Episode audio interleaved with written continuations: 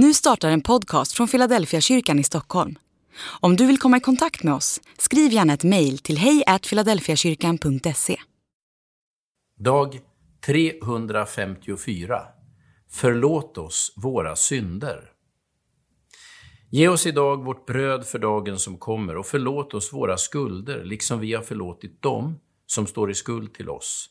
Och utsätt oss inte för prövning, utan rädda oss från det onda. Matteus kapitel 6, vers 11-13. Våra synder handlar om saker som vi redan har gjort. Likadant är det med andras synder mot oss. Bönen om att förlåta skulder handlar om vår historia. Oavsett om man är troende eller inte behöver man uppleva försoning när man har kommit en bit i livet.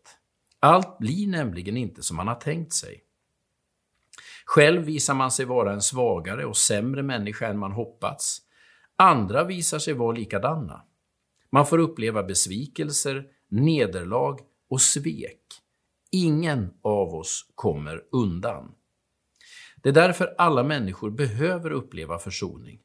Man behöver försonas med sig själv och med hur livet har blivit. Och man behöver försonas med andra människor som man blivit sviken eller sårad av. Jesus lär oss att be om förlåtelse för våra skulder och att själva kunna förlåta andra. Syndernas förlåtelse ändrar inte det som har hänt. Det som hör till det förflutna går inte att förändra.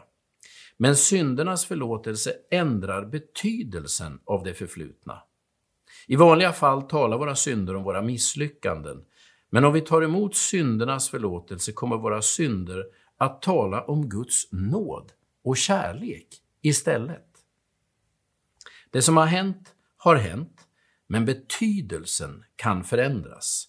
Synden i vårt liv behöver inte vara en påminnelse om vår uselhet. Den kan bli en påminnelse om Guds förlåtelse.